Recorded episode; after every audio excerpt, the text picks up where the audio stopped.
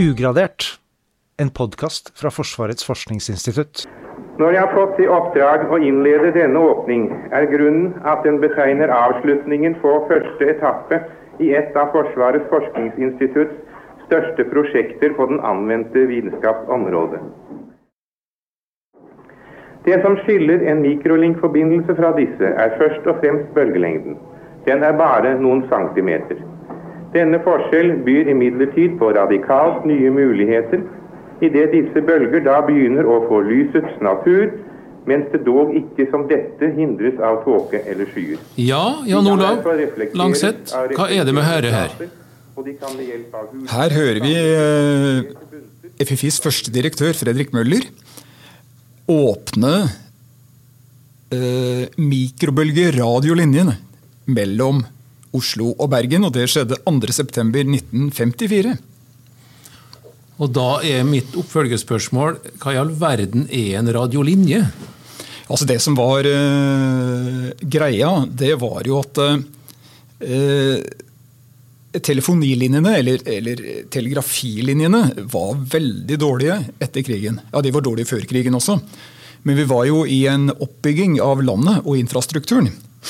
Og kapasiteten var, var, som sagt dårlig. Ja, det var vel en elendig kapasitet. altså Hvis du skulle ringe fra Oslo til Bergen, så måtte du Det var ikke bare sånn som med mobilen nå, slå et nummer, og så fikk du en bergenser i andre enden. Det var rett og slett å bestille eh, tid for den samtalen og håpe at den var såpass teknisk god at du kunne høre hva bergenseren sa. Ja, og det kostet penger. Det kostet mye penger. Og f.eks. som privatperson, hvis du skulle ha en fasttelefon, så sto de i kø i flere år. Så eh, saken var jo at uh, det var viktig å bygge opp igjen, uh, eller bygge, et moderne uh, telefoni, telegraf eller telefonnettverk. Men det vi hørte her, det var jo i utgangspunktet altså en militær linje.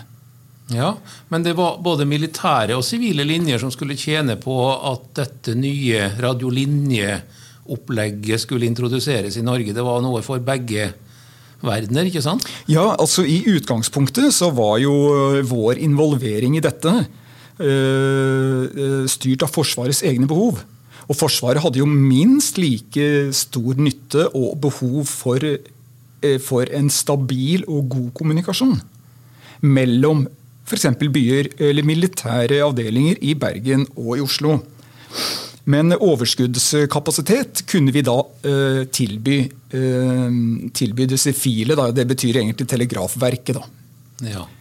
Altså en, uh, hvis vi liksom prøver å forklare dette for vanlige folk, så handler det jo altså Når du sier ordet kapasitet, så betyr det at flere, mange, kan snakke sammen. For det var jo et kjempeproblem med å legge en telelinje La oss si at du skulle grave ned da, fra Oslo til Bergen. Bare det var jo et, en voldsom eh, prestasjon, bare å få det til. Det var nesten som å bygge Bergensbanen på nytt. Men her snakker vi om en helt annen måte å tenke kommunikasjon på. Ja, altså det som eh, var Kall det nytt med, med, denne Ja, de brukte faktisk ordet den eh, elektroniske Bergensbanen. Eh, det, det, var jo rett og slett at uh, telefon og telegraf, kall det fjernskriverforbindelsen, da, den skulle gå i lufta. Uh, det var jo for så vidt heller ikke noe nytt, for vi har jo hatt radiobølgekommunikasjon. Uh, Men her var det snakk om altså det å bruke mikrobølger, altså kortbølget elektromagnetisk stråling, som oppfører seg nærmest som lys. Så du kunne nærmest altså styre en stråle med radiobølger eh, og samle dem igjen i parabolantenner. Dette hadde jo mange fordeler. Eh, Bl.a. dette her med at eh, det ble vanskelig å avlytte. Fordi da måtte du faktisk stå i strålen. Og så er det det at når du da slipper å kringkaste til verden for øvrig Du kan konsentrere alt i en strålebunt, for å bruke ordet fra lys. da, så kunne du også ha lavere effekt på senderen. Så saken var, Dette her var også en, en ny måte øh, å, å, å, å, få en telefon, øh, telegrafforbindelse, da. Og, og, det viktige er altså mikrobølgene har jo også den eh, effekten da, at du har så høy frekvens at du kan begynne å sende mange kanaler. Du kan begynne å altså, ha mange samtaler samtidig. Og der kommer kapasiteten inn?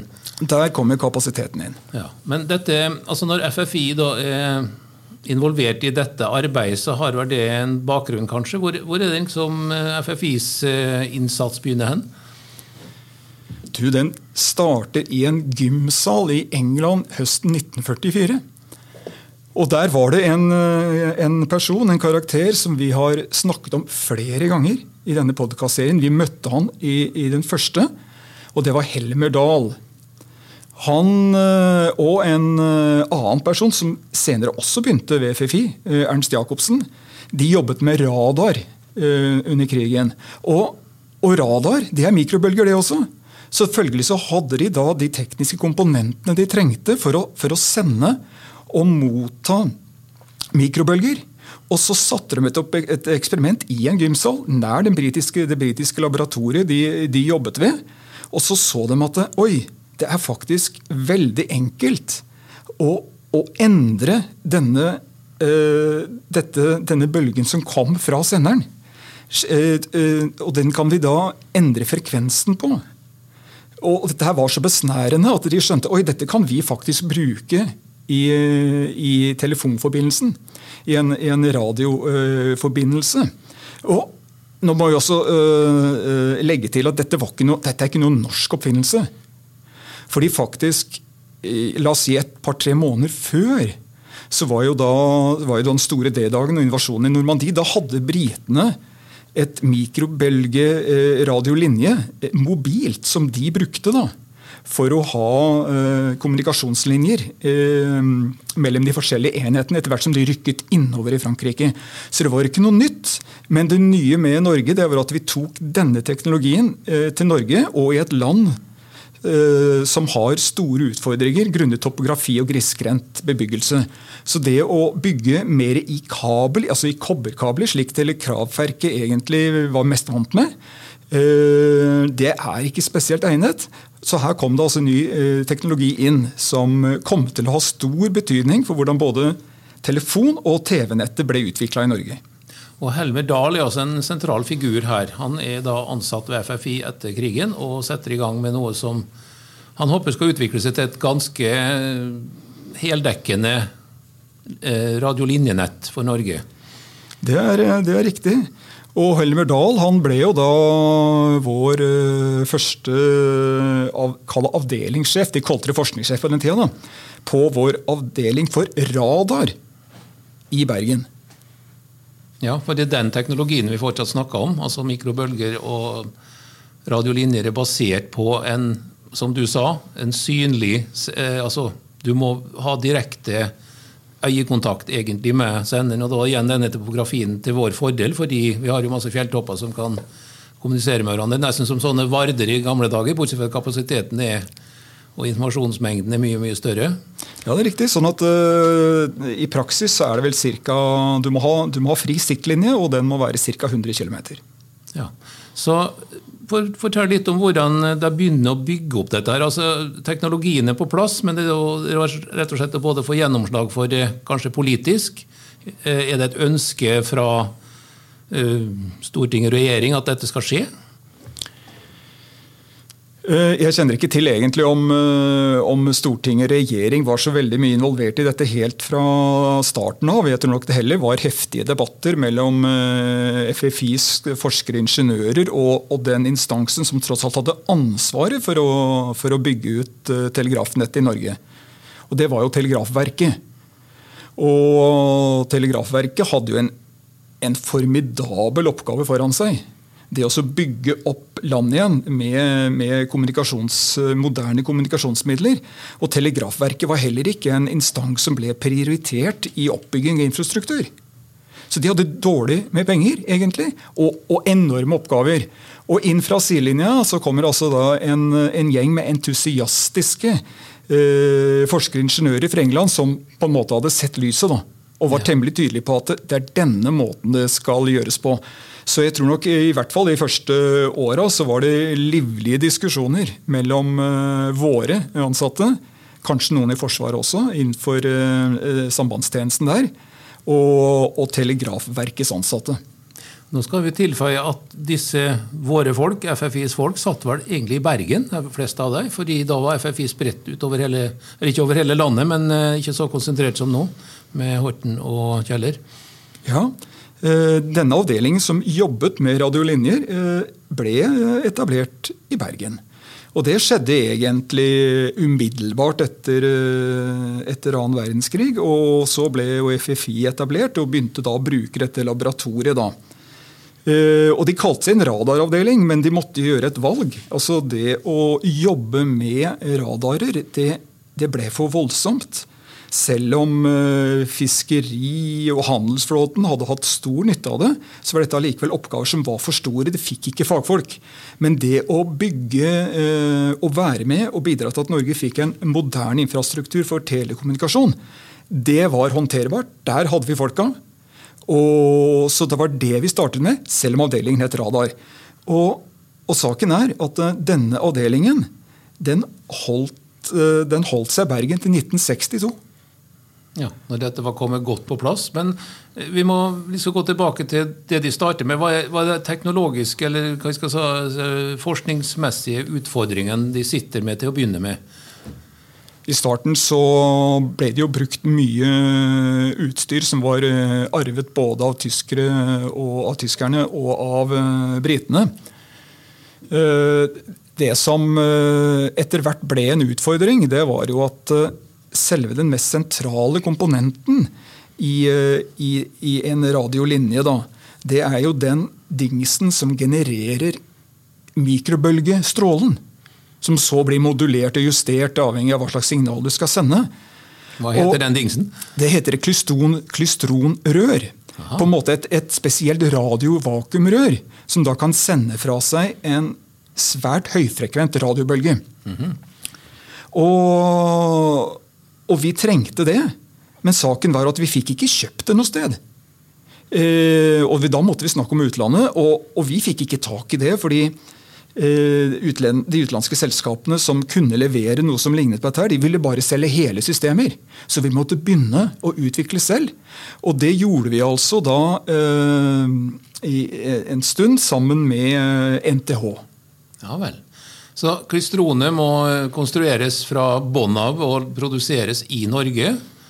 Og så skal det jo plasseres eh, ja det er jo kanskje litt lenger ut i, i åra, da, men disse sakene skal jo stå på fjelltopper, som vi snakka om, som i og for seg er en eh, fordel, men også en enorm utfordring hvis en begynner å tenke på at det skal bygges noe der. Det skal forsynes med strøm. Det er mange ting som sikkert var eh, ting som han måtte klø seg i hodet for før jeg fikk det på plass. Ja, altså Helmer Dahl var jo egentlig ganske tydelig på at eh, det var ikke det radiotekniske som var utfordringen, det var det bygningstekniske. Som du sier, det å øh, velge øh, punkter der det var mulig å bygge noe, der det var mulig å få, øh, få på plass strøm.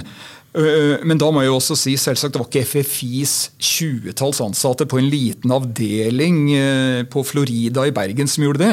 Så det var jo Forsvarets egen bygningstjeneste som, som gjorde det. da. Så dette her var jo, eh, det var jo et samarbeid mellom FFI, eh, bygningstjenesten i, eh, i, i Forsvaret, og selv om temperaturen til, til tider var ekstremt høy, så var jo også Telegrafverket med. I hvert fall dypere nede i organisasjonen, de fagfolka som skulle jobbe sammen. Ja, De så at dette var tingen? Ja, etter hvert så, så innsatt, måtte de innse det helt oppover på toppen i, i Telegrafverket. Når hadde vi den aller første radiolinjesendinga, hvis du skal kalle det det? Var det det lydklippet vi hørte, eller hadde jeg prøvd det før? De, de, startet ikke med Oslo-Bergen. Det, de, det de gjorde, med, gjorde, det var at de, de startet jo lokalt i Bergen med å prøve dette her. Eh, og, og, testlinjen eh, det var jo den som skulle gå fra Bergen til Stavanger. Eh, med, med, første og viktig stopp Bergen-Haugesund. Og, og, så da lagde altså FFI eh, sender, mottaker, eh, kabinettelektronikk og alt de trengte. Og da var det noe eh, spennende som skjedde. Det, eh, det, var jo rett og slett at eh, det ble lagd en, en, en, anbudsinvitasjon, en anbudskonkurranse. For at eh, FFI kunne jo ikke lage disse tingene. Det jo, vi hadde ingen ambisjoner om det. Vi skulle jobbe med teknikken. Så, så var det en anbudskonkurranse, og da var det eh, firmaet Nera som vant den. Og på bakgrunn av at de fikk den konkurransen, så ble Nera Bergen etablert. Og det var i, eh, i 1951. Og samspillet da mellom FFI og Nera og etter hvert Telegrafverket det ble jo en suksesshistorie av dimensjoner for det firmaet. Ja, og det ble jo altså slik som I og med at denne innvielsen skjedde allerede tre år etter at dette bare så vidt var kommet i gang, så er det jo tydelig at valget av teknologi og for så vidt leverandører var ikke så dumt. Nei, tempoet var uh, høyt. Og når da den store svenneprøven, da, uh, Oslo-Bergen, uh, var fullført, så begynte jo FFI å jobbe med utstyr med enda flere kanaler. Det var det store. Det var 300 kanaler, altså. For, for simultan samtidig Eh, kommunikasjon. Da. Og, og, det interessante i den sammenhengen det er at 300 eh, eh, kanaler det var det som var tilstrekkelig for å begynne å snakke om TV-sendinger. Så TV er jo en del av dette her? Ja. Norsk, norsk, TV, altså NRK er rett og slett avhengig av at dette her er oppe og går? Ja. Eh, så i, Det var i 1957 at eh, FFIs ansatte, altså eh, avdeling her i Bergen, med bl.a. Nera-utstyr og med utlånt utstyr fra NRK, sendte den første svært så lokale TV-sendingen. Og kringkastingssjefen han, han, ble over seg av begeistring og sa vi må ha denne, denne teknologien for å bygge ut Eh, TV-nettet i Norge. Og, og, det som skjedde så, det var jo Og, og, og der kommer Stortinget igjen. At, at Stortinget instruerte Telegrafverket. Det skal bygges et TV-nett i Norge. Og det skal bruke Nera sitt utstyr. Og det skal altså bygges ut da med en mikrobølgebasert radiolink. Og, og så ble også da den første Eh, hvis jeg husker rett, Den første TV-sendingen den gikk jo da i 1960 mellom Oslo og Bergen. Ja, da er det jo plutselig Da vet jo alle at nå får vi fjernsyn i Norge. Og det er jo ganske imponerende når, du, når du nå forklarer at allerede eh, i 57 så sendte der Jeg vet ikke om du kjenner noe til den sendinga som da ble produsert, men det var ikke rare greiene antagelig. Men tre år etterpå så er altså alle nordmenn i prinsippet ja, Ikke alle, da, men veldig mange kan nå begynne å få en TV, og folk kjøper jo TV som gale. Så utover på 60-tallet så har jo alle det. Ja. Og alt dette er radiolinjer som ligger bak. Ja, og tempoet er høyt. Og, og, og, det som skjedde nå, det er klart at når, når eh, Telegrafverket nærmest blir instruert at det er denne løsningen som uh, skal velges, så får jo de også de nødvendige midlene som de egentlig sårt har trengt i, i, i mange, mange år. Så nå kan jo virkelig eh, radiolinje bli utbygd i stort tempo, både for telefoni og for, uh, for TV-nettet. Ja. Nå må vi ikke glemme Forsvaret oppi dette. her. Hva er det de har fått på dette tidspunktet, da? Som de ikke hadde? Eh, på det, på det tidspunktet her så hadde de allerede fått uh, type radiolinjer som dekket hele Norge. Mm. Ja. Og de hadde da fått en, en stabil og ja, mest, mest, av alt en stabil og, og, og, langt på vei en mer avlyttingssikker eh, kommunikasjonsforbindelse. Da. Hva betyr det for Forsvaret rent organisatorisk? dette her? Altså det, blir det egne avdelinger basert på at denne teknologien finnes? Altså, hva er det slags utvikling som skjer innenfor Forsvaret, der FFI bidrar? Altså, jeg, jeg, må si at her havner jeg nok på litt gyngende grunn, men, men øh, øh, Forsvarets fellessamband, som det, øh, som det het, den instansen, var jo med på dette helt fra starten av. Og hvorvidt hvordan den instansen ble bygget ut her, det kjenner jeg ikke til. Men jeg, jeg må jo drive litt reklame, fordi uh, en tidligere ansatt uh, i, uh, i, FFI, Knut Erlandsen, han jobbet ved FFI i 18 år. Han har skrevet to bøker om radiolinjeutbygging i Norge. Både den militære og den sivile. Jeg tror dessverre ikke at det er mulig å få tak i bøkene noe annet enn gjennom Nasjonalbiblioteket. Men i hvert fall der kan du finne mye info om hvordan dette påvirket Forsvaret. da. Man kan av og til få følelsen av at radiolinjer er liksom forlatt, men teknologien jo bare, har jo bare fortsatt å utvikle seg. altså Snakker vi fortsatt om det samme når vi i dag har eh, mobiltelefon? Jeg kan ringe, eller jeg kan ikke det, for jeg sitter ikke på Mount Everest, men la oss si at noen ringer fra Mount Everest og avbestiller timen hos tannlegen, så er ingen så er spesielt imponert over det. Spesielt ikke tannlegen, men eh, det er altså mulig, Hva som helst er mulig med radiolinjer? Um, akkurat når det gjelder eh, Mount Everest, må vi altså um, Dette med siktlinje er jo fortsatt en realitet. Så fra Mount Everest så tror jeg nok vi snakker satellittelefon.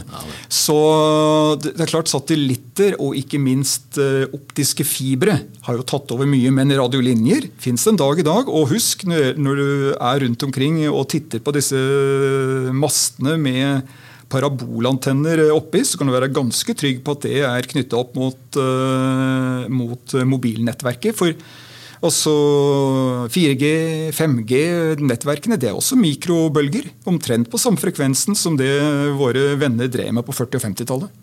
Ja. Det er en veldig imponerende eh, historie, dette her. Eh, disse lydklippene Jeg har sett at det faktisk finnes en grammofonplate fra den åpningen av radiolinje så det er tydelig at det var store ting i sin samtid. Ja, altså eh, Jeg lurer på om den, eh, den grammofonplaten du eh, henviser til, det er åpningen av Bergen-Haugesund, ja, og ikke Oslo-Bergen.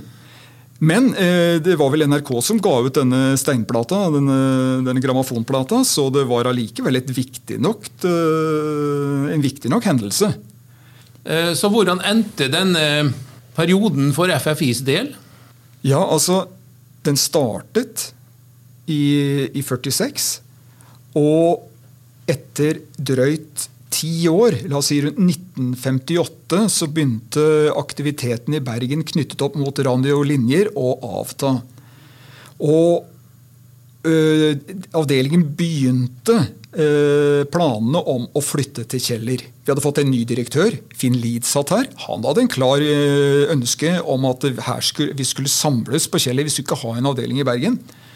Så da eh, 1962 kom, så var eh, avdeling Radar i Bergen, altså den som hadde utviklet eh, radiolinjen, eh, kommet hit, slått sammen med avdeling for telekommunikasjon og ble avdeling for elektronikk.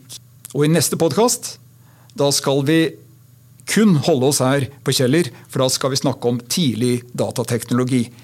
Like spennende, med like store eh, konsekvenser.